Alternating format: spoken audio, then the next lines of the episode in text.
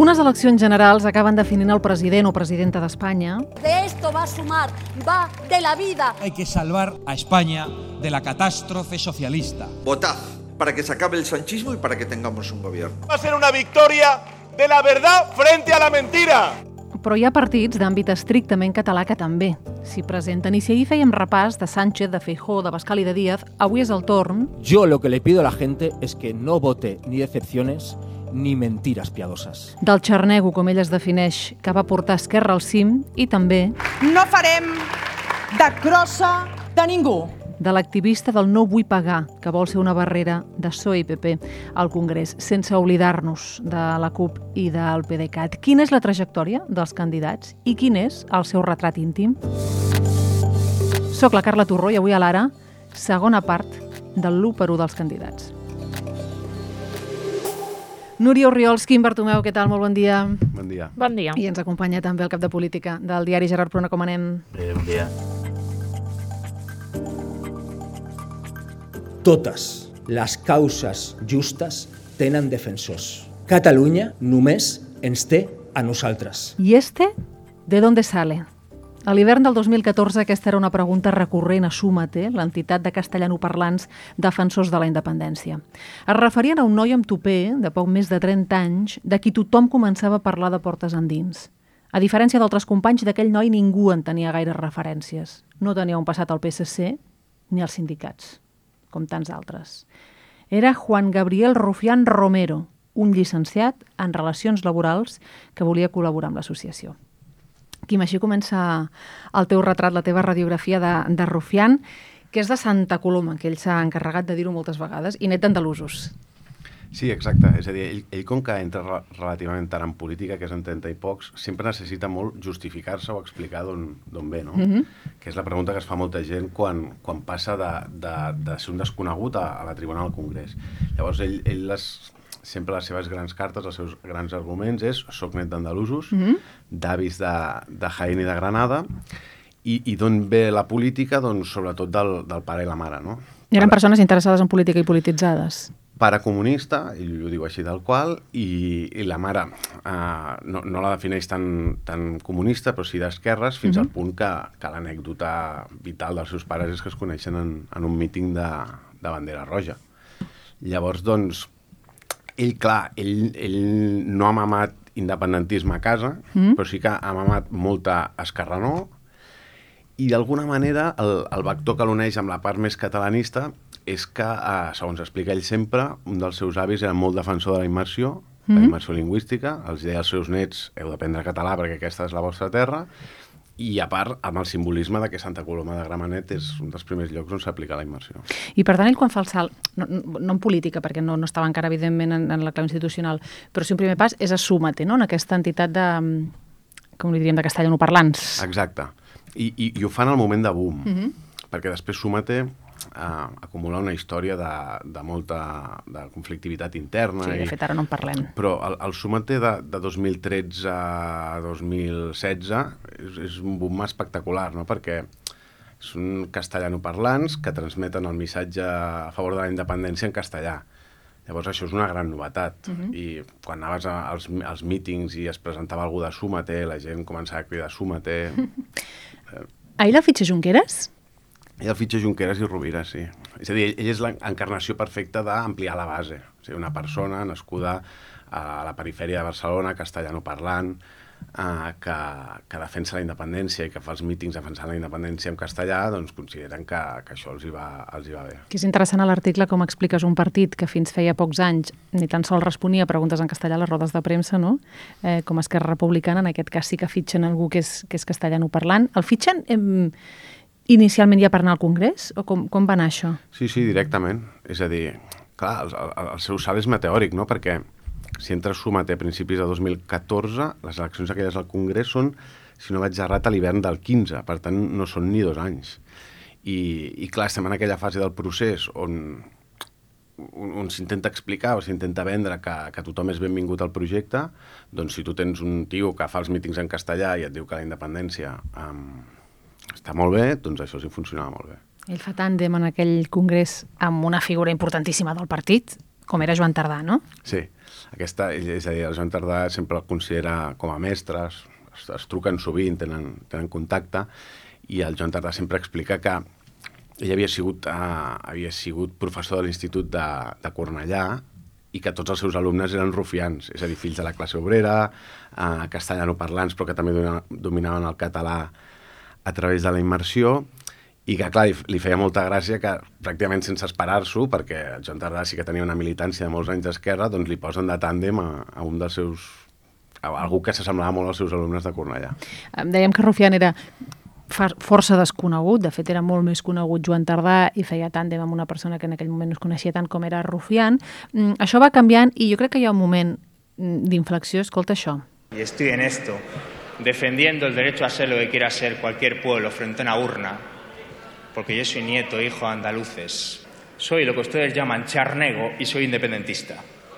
Dius que aquí és quan el descobreix bona part d'Espanya. Exactament. És a dir, aquell dia tots els periodistes catalans ja fa un any que el tractem. No? Que és la, això és, estem escoltant la investidura... Això era 2016, no? Això és 2016 investidura de Sánchez, fallida, Fallida. amb Ciutadans, Mhm. com amb Albert Rivera.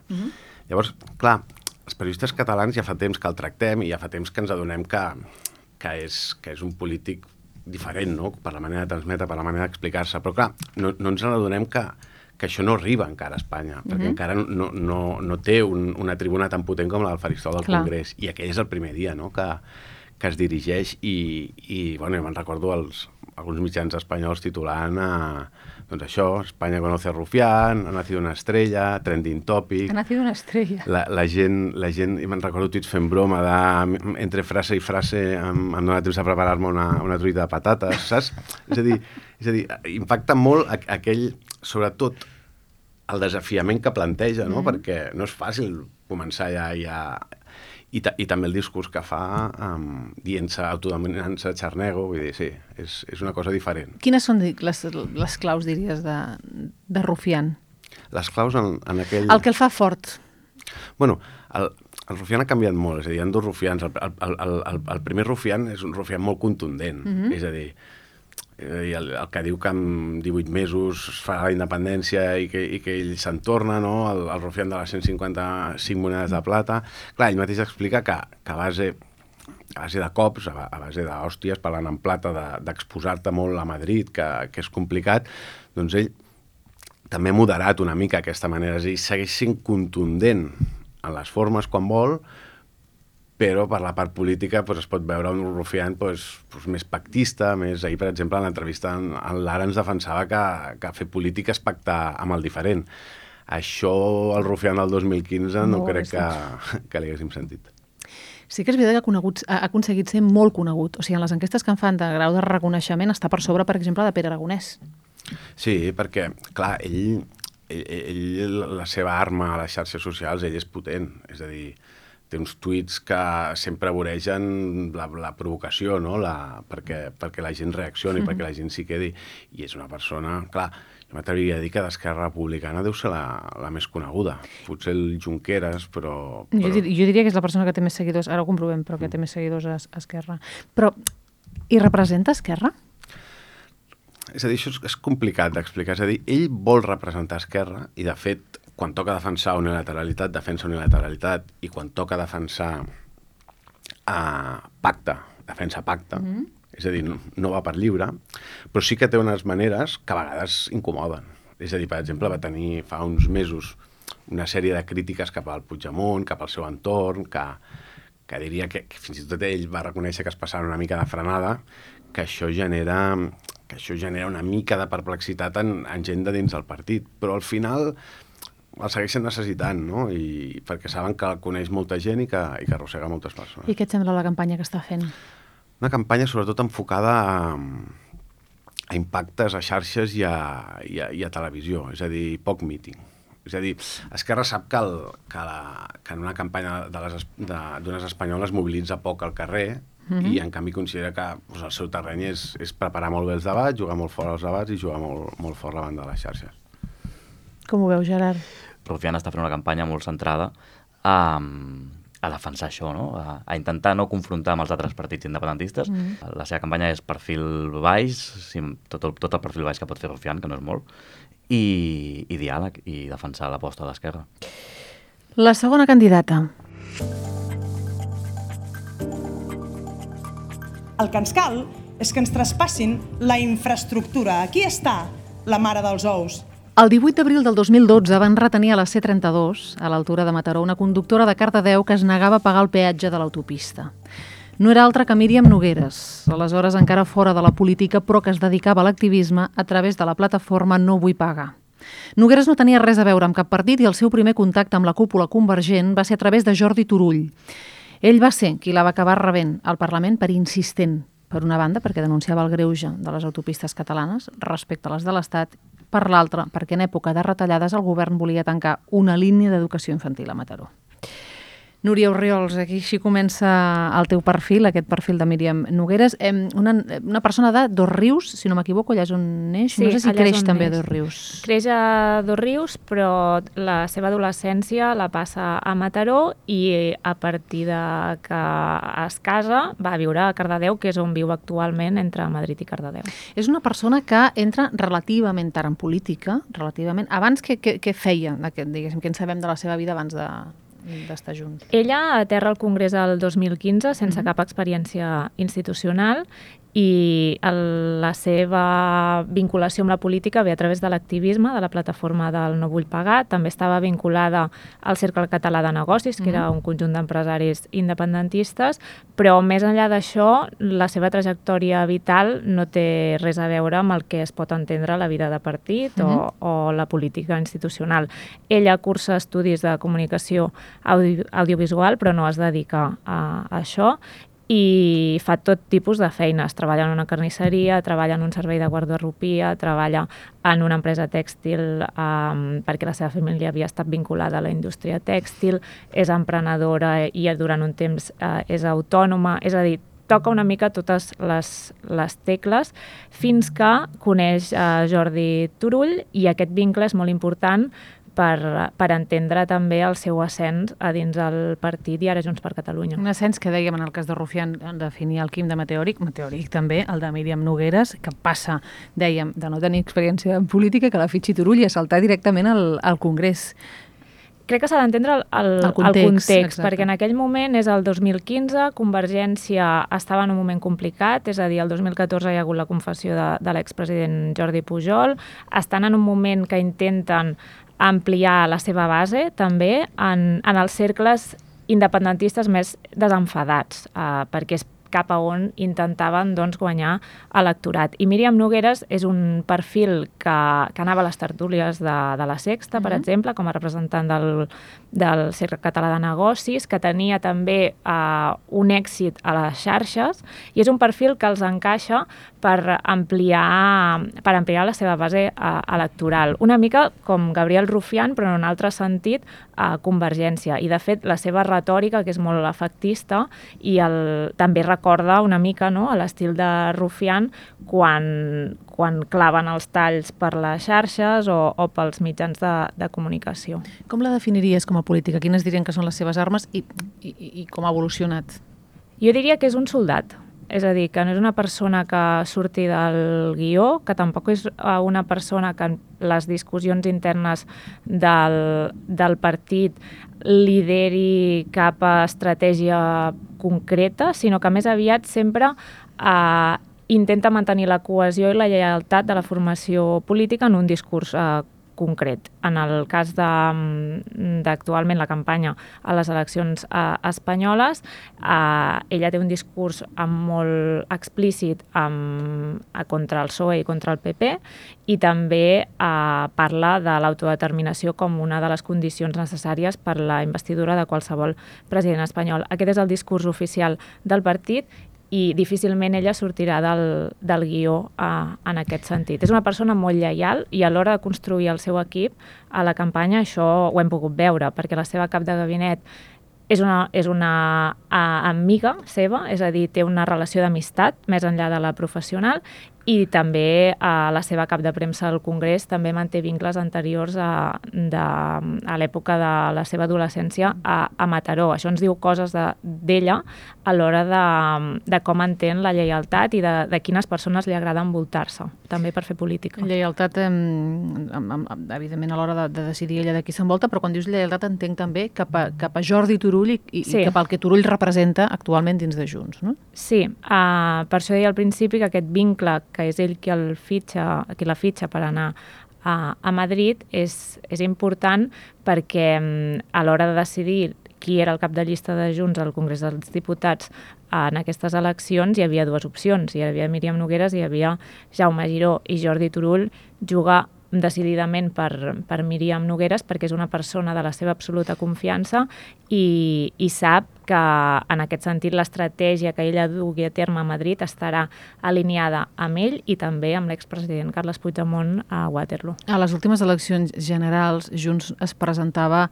amb el PDeCAT, eh, van anar de la mà i formaven grup parlamentari fins que el van, no? fins que el van trencar a mitja legislatura. El PDeCAT en aquest cas es presenta amb, amb, amb Roger Montanyola de, de cap de llista. Mm, què podem dir d'ell, de, diguéssim, d'on surt i quina ha estat la trajectòria? Doncs Roger Montanyol és, molt, és un perfil molt diferent a Míriam Nogueres, no? perquè ell des de jove que s'implica a, a Unió, Uh, coneix Josep Sánchez Llibre, que en aquell moment és la mà dreta de Duran i Lleida, perquè ell treballa de cambrer en una discoteca propietat de la família de Sánchez uh, Llibre i, i de seguida s'hi fixa perquè és un noi jove que, que té molta empenta no? en, en termes de relacions públiques i a més a més li agrada la política i vota Convergència i Unió. Llavors, considera que és un actiu per fitxar-lo a Unió de Joves i ell té un ascens molt ràpid uh, dins les joventuts fins al punt que és el diputat més jove que entra al, al Parlament i, i a partir d'aquí sembla que ha de tenir una trajectòria institucional llarga. El que passa que l'any 2015, quan es trenca la Federació de CiU, ell fa costat a Duran i Lleida i en l'aventura en solitari d'Unió a les eleccions del Parlament queden fora, també queden fora del Congrés dels Diputats i a partir d'aquí s'acaba la seva trajectòria política fins que ara el PDeCAT el rescata perquè encapçali aquesta candidatura en solitari. I ho fa, a més a més, amb un discurs molt... Eh, eh, abaixem impostos, pactem amb PP i amb PSOE, peix al cova, no? ens va dir a l'entrevista aquí al diari ara. Ideològicament molt marcat, uh -huh. a diferència potser de, de Junts, que manté més aquesta ambigüitat eh, ideològica en l'eix esquerra-dreta. Ens queda també la CUP, qui segueix a la CUP des de fa temps és en Xavi Tadó. Xavi, què tal? Bon dia. Bon dia. Quina és la trajectòria del candidat, en aquest cas d'Albert Botran? Albert Botran torna a ser el cap de llista per Barcelona a les eleccions espanyoles, tot i les reserves que tant ell com Mireia Bahí tenien. De fet, ell ha avançat en campanya que no vol exaurir els quatre anys de mandat si surt escollit, eh, en una decisió que va agafar per sorpresa la resta de membres de la candidatura. Parella de l'exdiputada copaire Natalia Sánchez tenen un fill, en Miquel, a qui vol dedicar més temps. Aquest és el principal motiu. Nascut a Molins de Rei el 1984, eh, la seva vinculació a l'esquerra independentista s'inicia a l'MDT i posteriorment, el 2002, quan entra la CUP, sent un dels fundadors del partit al, al municipi del Baix Llobregat, un municipi que és un dels feus dels copaires i que no va presentar llista a les darreres eleccions, malgrat que ell n'era partidari. Precisament ell va ser regidor del 2011 al 2015 i just després va ser diputat al Parlament fins al 2017, quan el govern espanyol va aplicar el 155.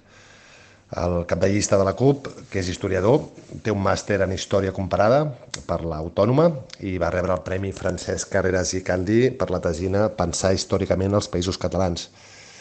Allà va conèixer Oriol Junqueras, en qui va forjar una gran amistat, que els va portar a escriure fins i tot un llibre junts, Les proclames de sobirania de Catalunya, quan el líder d'Esquerra era a la presó, Botran el va visitar un parell de vegades i li va escriure diferents cartes. Últimament, però, la relació no és tan fluida. Militant de Poble Lliure, que aposta per construir grans confluències i té una posició menys dogmàtica i menys escolada a l'esquerra que endavant, Botran és un dels grans teòrics de l'independentisme i és autor de diferents llibres. També col·labora amb revistes com El Temps, publicació de la que ha fet gala en alguns mítings després de, de la polèmica de Borriana. I quina campanya està fent? Tot i que el lema de la CUP és Plantem cara, en referència a la més que possible arribada a la Moncloa del PP i Vox, el cap de llista ja ha advertit que els copaires pensen bloquejar la investidura de Pedro Sánchez, si els números surten, si no accepta un referèndum d'autodeterminació. El PSOE té un problema si entre referèndum o Vox no sap què triar, va dir recentment en una entrevista a l'Ara. La formació anticapitalista torna a apostar, doncs, per la ingovernabilitat de l'Estat i refusa el pressing cup que es pugui produir si els seus vots són necessaris per investir el candidat socialista. En clau catalana, Botran també ha carregat contra Esquerra, amb qui es disputa un vot fronterer, per la taula de diàleg i per plegar-se als interessos dels socialistes en macroprojectes com el Hard Rock, l'ampliació de l'aeroport del Prat o el quart cinturó arran de l'acord pressupostari. Lluny queda l'acord d'investidura que van signar totes dues formacions a l'inici de la legislatura. Xavi, adeu, gràcies. Adeu, bon dia. Gerard, eh, fetes les radiografies, què diries que hi ha en joc a Catalunya, en aquest cas el dia 23? Doncs aviam, no són unes eleccions uh, fàcils per cap d'aquests quatre candidats, podríem dir, uh, per l'independentisme en general, em sembla. Mm -hmm. I són unes eleccions que, a diferència d'altres vegades, a Catalunya no han tingut una dinàmica pròpia, uh, han estat molt marcades també per la dicotomia uh, Feijó-Sánchez, i per tant tot queda una mica resumit en quines majories queden i a partir d'aquí sí que hi haurà un paper molt més gran si els partits catalans poden ser decisius a l'hora de conformar el proper govern. Clar. De totes maneres, eh, tot i ser unes eleccions difícils, tothom s'hi juga molt. Dèiem abans que Esquerra s'hi juga l'aposta pel diàleg, venen de fer molts bons resultats a les generals en els últims anys, eh, en aquestes ja saben que no guanyaran, és a dir, tothom dona per descomptada la victòria del PSC, però la diferència entre salvar els mobles o fer un mal resultat és molt important per Esquerra, venim d'on venim, Junts, que per primera vegada es presenta en solitari, eh, també hi té molt en joc, és a dir, han de veure realment si la seva aposta de confrontació, que ha sigut el discurs que ha fet eh, gairebé exclusivament el partit aquesta campanya, dona rèdits després d'unes municipals en què vam veure un equilibri més clar amb els pragmàtics, això la Núria ho sap perfectament. I, i en els altres dos casos, en el cas de la CUP i en el cas del PDeCAT, sobretot, doncs directament la persistència, eh, en el cas de la CUP al Congrés i en el cas del PDeCAT, a saber si realment hi ha un espai polític per ells a nivell Parlament, a nivell Congrés, mm -hmm. o es queden sent un partit eh, municipal, que allà sí que es pot dir que han tingut un resultat eh, prou digne que els manté, que els manté tenint un paper. Sigui, tothom s'hi juga molt. Tothom s'hi juga molt i cada vegada queda menys per sortir de, de dubtes. Eh, Gerard Pruna, Núria Riols, Quim Bartomeu, gràcies per haver passat avui pel podcast. Gràcies a tu. Gràcies. gràcies. Jaume Martell, a la tècnica, Alba Oma, a la producció. Jo sóc la Carla Torroixes, avui a l'Ara. Gràcies per ser a l'altra banda.